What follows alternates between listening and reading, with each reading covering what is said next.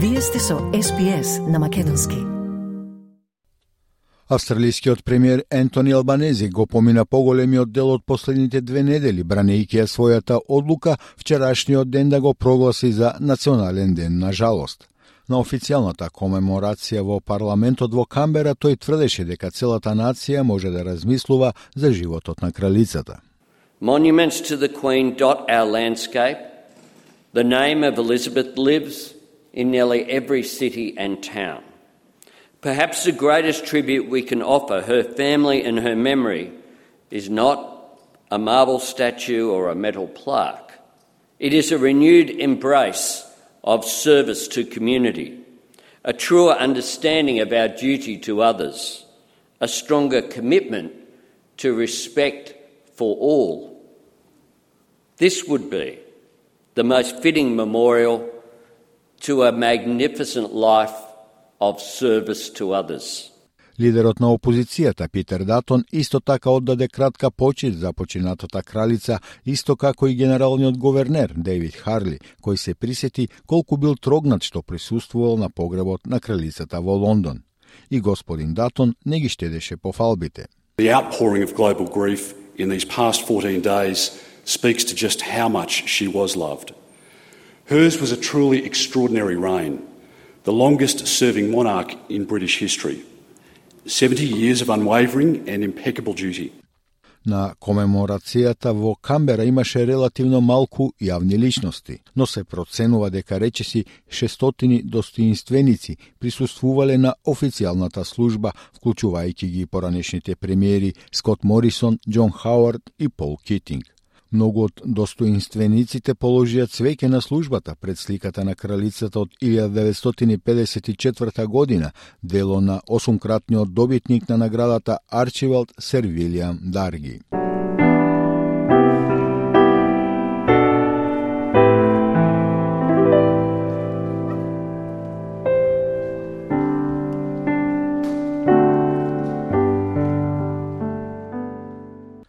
Меѓувреме Генералното собрание на Обединетите нации продолжи со работа во Њујорк.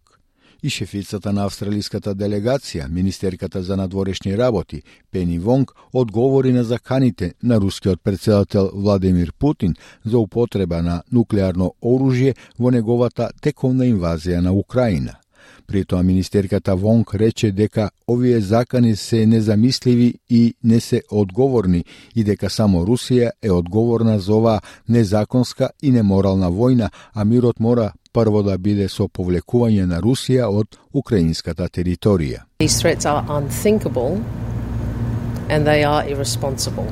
Russia alone is responsible for this illegal and immoral war, and peace must first lie with Russia withdrawing uh, from Ukrainian territory. Тоа е линија во песок што ја повлекува и федералната опозиција и тие сакаат да одат уште подалеку, со оглед на тоа што Украина бара повеќе хаубици и оклопни возила Бушмастерс од Австралија. Портпаролот на опозицијата за надворешни работи Саймон Бирминген вели дека не треба да има ограничување на хуманитарната и воената помош што Австралија ја нуди на Украина. And we ought to see that continued level of support because it is important to act as a deterrent to any others in the future. There's never a time to give up uh, on the support for international rules and norms, on the support for sovereignty, territorial sovereignty, and the freedom of peoples. Министерката Вонг се состани со представници од земјите кои се дел од заедничкиот тим со Австралија, кој се уште го истражува соборувањето на MH17 во 2014 година, Холандија, Белгија и Украина. При тоа вели дека ја поздравува неуморната работа на соодветните истражни агенции, вклучително и Австралиската федерална полиција, чии напори беа толку важни за да ни овозможат да ги повикаме одговорните на одговорност. I commend the tireless work of the respective investigative agencies, including the Australian Federal Police, whose efforts have been so important to enabling us to hold those responsible to account. In addition, Australia and the Netherlands are committed to the pursuit of accountability through our dispute against Russia in the International Civil Aviation Organisation. Сенаторот Патрик Додсон ги унапредува плановите на Австралија за вклучување на домородните гласови во австралиската и глобалната надворешна политика. Today I participated in the roundtable on how First Nations people's rights, interests and contributions can be made uh, more uh, effectively, uh, not only in our foreign affairs policies, but how we are progressing those rights and interests at home in Australia. Сенаторот вели дека им уште работа да се направи, но веќе е постигнат голем напредок, додавајќи дека беше прекрасно да се слушнат од другите национални држави за тоа како тие работат со народите на правите нации за да испорачат работи што само пред 10 години би биле незамисливи во однос на учеството и гласот не само во внатрешните прашања, туку и во аранжмани во надворешните работи. It was great to hear from other nation states as to how they are working with First Nations peoples to deliver things that uh, only 10 years ago would have been unthinkable in terms of the participation and having a voice, uh, not only in the domestic issues but in the in foreign affairs arrangements. Но расположението не е толку оптимистичко дома во Австралија. Се уште има шокантни бранови од бомбастичниот извештај во однос на третманот на фудбалскиот клуб Хотон кон домородните играчи и нивните семејства. Федералната влада ја даде својата подршка за официјалната истрага на ЕФЛ за наводите во извештајот но министерката за домородните австралици Линда Барни вели дека расизмот е проблем кој не е ограничен само на еден клуб. Let's not pretend that racism lives at Hawthorne. It is right throughout society and we need to look at it broadly because it diminishes everybody. Постапувањето спрема домородните луѓе во Австралија е нешто со кое мораше да се соучи дури и на комеморацијата на главно почитуваната кралица. Ентони Албанези сакаше да ја истакне централноста на луѓето од првите нации. Her reign spanned more than half the life of our modern federation, and we proudly honour her memory today on a continent home to the world's oldest continuous culture – paying respect to traditional owners and elders past, present and emerging.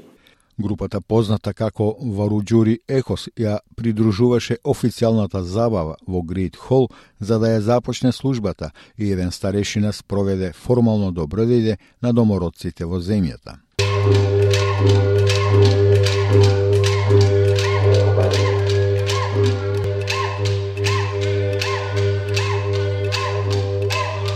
Но тоа беше мала утеха за толпата народ собрани во Бризбен, Сиднеј, Камбера и Мелбурн.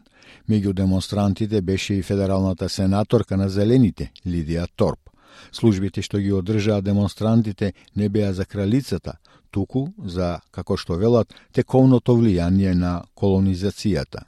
Вейн Вартон е од Кома Муддеј. Тој вели дека монархијата во Австралија треба да замине. Куќата на Винзор се користеше како механизам и како алатка за генерирање на тие инвазии и варварството што се случи. The House of Windsor was used as a mechanism and as a tool to, to generate that those um, invasions and that barbarism that, that took place. And, and I think a lot of people, as you can see, have braved the day.